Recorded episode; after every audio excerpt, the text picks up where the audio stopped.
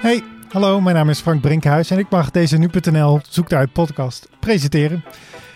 Zoals elke week gaan we hier in deze podcast op zoek naar een antwoord op een van de vragen die op ons reactieplatform Nu Jij wordt gesteld. Je weet wel, de reacties onder de berichten. En er komen veel vragen voorbij. En deze week gaat het over een vraag die veel gesteld is naar aanleiding van de gasprijzen. Namelijk, waarom is de Nederlandse gasprijs zo hoog in vergelijking met die van andere landen in Europa? En zo hoog is ook hoog, want in Nederland betaal je twee keer het Europees gemiddelde. Laten we eerst even op een rijtje zetten wat we allemaal weten over de gasprijzen. En daarom is Tom van Gurp, economie-redacteur hier bij Nu.nl, aangeschoven hier in de podcaststudio. Ik dacht, ik wil even vermijden dat we zeggen, ja, het komt door de, de oorlog. Ja, dat weet iedereen al. Dus Uh, ja, dat is wel iets complexer dan dat. Daarom. Het Dus speelt daar- wel een belangrijke rol. Precies. Ik kan er niet omheen. Meteen maar de vraag erachteraan. Waarom is het complexer dan? Het komt door de oorlog in Oekraïne. Nou ja, het begon eigenlijk al afgelopen najaar. Toen liep de prijs eh, van gas al behoorlijk op. Ehm, dat kwam toen onder meer doordat de, de, de pandemie, ja, dat, dat werd eh, steeds minder en minder. En veel landen gingen eh, nou ja, uit de lockdown. Ook Nederland. En op het moment dat dat gebeurde, leeft de economie op. En als de economie opleeft, dan wordt er meer energie verbruikt, dus ook meer gas. Ehm, en ja, op het moment dat, dat, dat de vraag naar gas toeneemt en het aanbod stijgt niet, en het aanbod steeg op dat moment ook niet, ja, dan, eh, dan, dan stijgt de prijs. En daar kwam toen nog bij ehm, dat Rusland al begon met het langzaamaan, beetje bij beetje afknijpen van de toevoer naar, eh, naar West-Europa, van, het, eh, van, van het gas ook. Dus dat, dat dreef de prijs nog wat verder op. Ja, er werd, al, er werd al wat schaarste gecreëerd. Ja, Ja. inderdaad. Nou ja, later leerden we ook eh, waarom dat gebeurde. Ja, Ehm, en eh, je zag toen ook al dat behoorlijk wat energieleveranciers, eh, de kleintjes, die, die, die gingen al failliet. Die redden het al niet meer en steeds meer huishoudens kwamen in de problemen. Nou ja, en toen kwam dus eind februari ook nog eens de invasie van Rusland in Oekraïne erbij.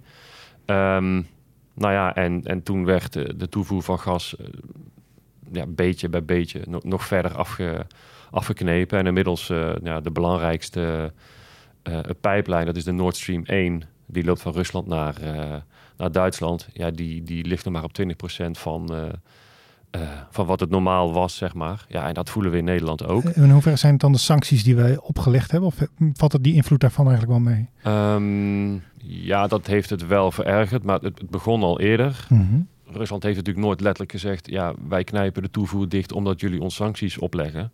Maar ehm, ja, dat speelt natuurlijk eh, nogal mee. En nu de laatste beperkingen, die, die, die, daarbij kijken ze vooral... of zeggen ze vooral dat dat komt door allerlei technische problemen. Nou, daar wordt volop aan getwijfeld. Mhm. Dus ja, je mag dat eigenlijk wel eh, samen, ja, samen pakken eigenlijk. Ja. En met elkaar in verband brengen. Ja, logisch, logisch. Andere oorzaken had je het ook al over. Ehm, het is ook nog de droogte die nog een, een rol speelt momenteel, toch? Nu, de, de laatste weken speelt dat inderdaad ook nog een rol. Ehm, nou ja, ten eerste wordt er binnen Europa... eh, en waarschijnlijk ook binnen Nederland... meer eh, energie gebruikt voor airconditioning. Mhm. Omdat het natuurlijk steeds warmer wordt... eh, hebben we meer verkoeling nodig. Ehm, en daarnaast heb je last van laag water op, op, de, nou, op de rivieren. En daardoor is er minder transport mogelijk. Onder andere minder transport van kolen.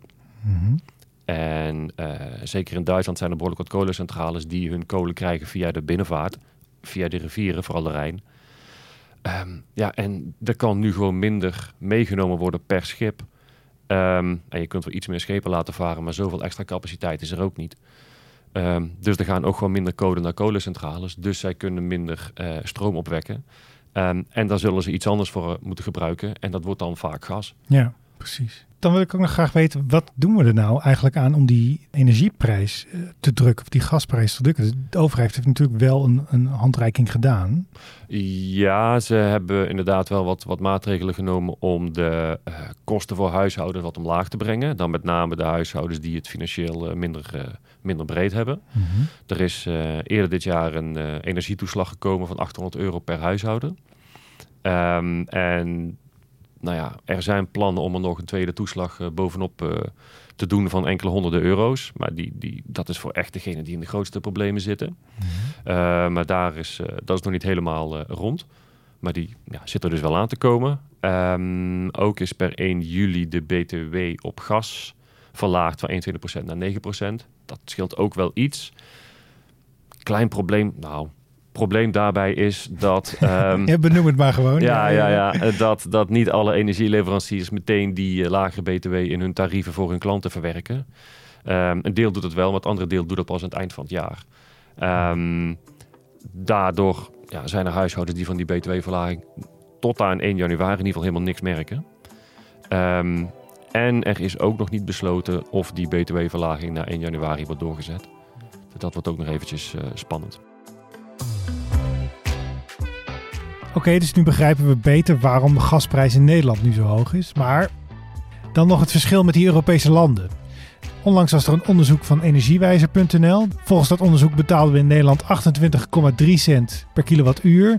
Op plek 4 was het Verenigd Koninkrijk dat al 10 cent minder betaalde. En de Fransen betalen slechts 11,3 cent. En dat is echt een enorm verschil. Um, daar mocht ik Hans van Kleef over bellen. Hij is energieanalist bij uh, ABN AMRO. Wacht ik, ik doe de deur hier nog dicht. En dan hoop ik dat niet het pakketje wat mijn vrouw besteld heeft net nu binnenkomt. Maar goed. Dat is het, het nadeel en voordeel van thuiswerken. Ik kan eigenlijk eerst even beginnen met de vraag. Uh, nu de crisis zo groot is, valt het natuurlijk ook op dat we meer betalen uh, dan andere Europese landen. Maar hoe was dat eigenlijk voor de crisis?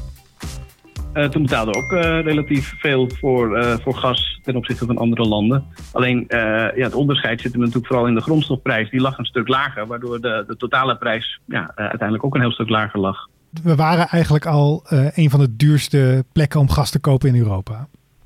Ja, dat klopt. Alleen op de totale rekening zie je dat het aandeel van, van de grondstof, gas, zeg maar, ja, toch een, een behoorlijk groter aandeel heeft gekregen. Simpelweg omdat die prijs zo hard gestegen is. En um, bepaalde, zoals zeg, zeg, maar de energiebelasting is een vaste, vaste, of tenminste heeft componenten van een vaste bedrag.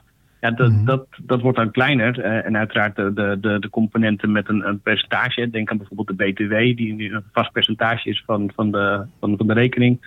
Ja, dat groeit uiteraard uh, ook mee. Maar dat, dat, dat, dat, zorgt eigenlijk zeg maar, dat naarmate die prijs verder oploopt, ja, de verschillen tussen de landen ook groter worden. Ja, dus die percentuele groei die maakt het gat nog groter zeg maar, dan, het, dan dat het al is. Klopt, ja. Ja, oké, okay, maar we moeten dus niet overdrijven van, oh, we zijn nu opeens de grootste. We waren eigenlijk altijd al een van de duurste landen om gas te kopen. Uh, ja, dat klopt. Um, ja. Maar toch even de vergelijking met die andere landen in Europa. Wat, wat gebeurt daar dan om die prijs te drukken, wat, wat wij misschien niet doen? Nou, je ziet eigenlijk verschillende maatregelen. Uh, er zijn landen die, die uh, ja, compenseren gewoon uh, een, een, deel in de energieprijs. Dus, dus die, ja, die, die, die, verlagen als het ware het, het consumentenbedrag. Mm-hmm. dus dat is een mogelijkheid. Je ziet bijvoorbeeld in Frankrijk dat er een plafond zit op het tarief dat berekend mag worden. Uh, en en ja, omdat dan, om niet alles verlies bij die energiebedrijven te laten vallen, worden die energiebedrijven dan door de overheid weer gecompenseerd. Okay. dus, dus je ziet het een beetje verschil daar. in Nederland hebben we natuurlijk gezien dat de energiebelasting verlaagd is. Hè. We hebben een, een eenmalige bijdrage gekregen van, nou ja, voor, de, voor de laagste inkomens van 1300 euro. En de BTW is verlaagd, dat zien we in andere landen ook. hier is het verlaagd van 21 naar 9 procent. maar in andere landen is dat zelfs nog verder verlaagd. Ja, ja, ja, als je de prijs stijgt, wat je net al zegt, dan blijft die BTW natuurlijk ook wel doortikken. De gascrisis ziet nog niet echt een einde. Uh, nee, nee, dat, dat zou je... mooi zijn, maar ja, ja dat, nee. het eind is helaas nog niet in zicht. Nee, inderdaad. Maar kun je dat dan, kunnen die andere landen dat ook vol blijven houden? Of, of gaan zij, wordt het gat misschien wel minder klein? Kun je daar wat nou ja, dat, dat, dat, is natuurlijk lastig. Kijk, het, het, probleem is, of het probleem, maar op het moment dat de overheid uh, jou compenseert, dan wel direct in de energierekening, dan wel via het inkomenscomponenten of door het verlagen van de BTW, hoe dan ook links of rechtsom, uh, betekent dat dat de overheid geld bij moet storten of dat de overheid geld, minder geld binnenkrijgt. En ja, dat heeft natuurlijk consequenties voor uh, de overheidsuitgaven. Dus um, dat betekent dat er of minder geld uitgegeven kan worden aan andere sectoren of dat de belasting op andere uh, delen juist verhoogd moet worden om, om dat goed te maken. Uh, ja. ja. en als je dat dan heel plat slaat, dan is links of rechtsom, uh, krijgen we de rekening uiteindelijk toch voor onze kiezen. Conclusie. Onze gasrekening was eigenlijk altijd al hoog. En dat voelden we ook altijd al omdat we in Nederland veel gas gebruiken. We wekken onze stroom er bijvoorbeeld mee op. We betalen ook veel belasting op gas en die belasting is percentueel, dus het groeit mee met de prijs. Maar het kabinet heeft daar al wel iets aan gedaan en in ieder geval tot 1 januari betalen we minder btw op gas. In andere landen zie je de overheid wel meer ingrijpen om de gasprijzen niet te hard te laten groeien. Maar in de goedkope landen betaalden mensen ook al vaak minder voor gas. Dankjewel voor het luisteren. Ik hoop dat je wat wijzer bent geworden. En als dat zo is, abonneer je dan even op de podcast in je favoriete podcast app. Bijvoorbeeld via Spotify of Apple Podcast. Doei!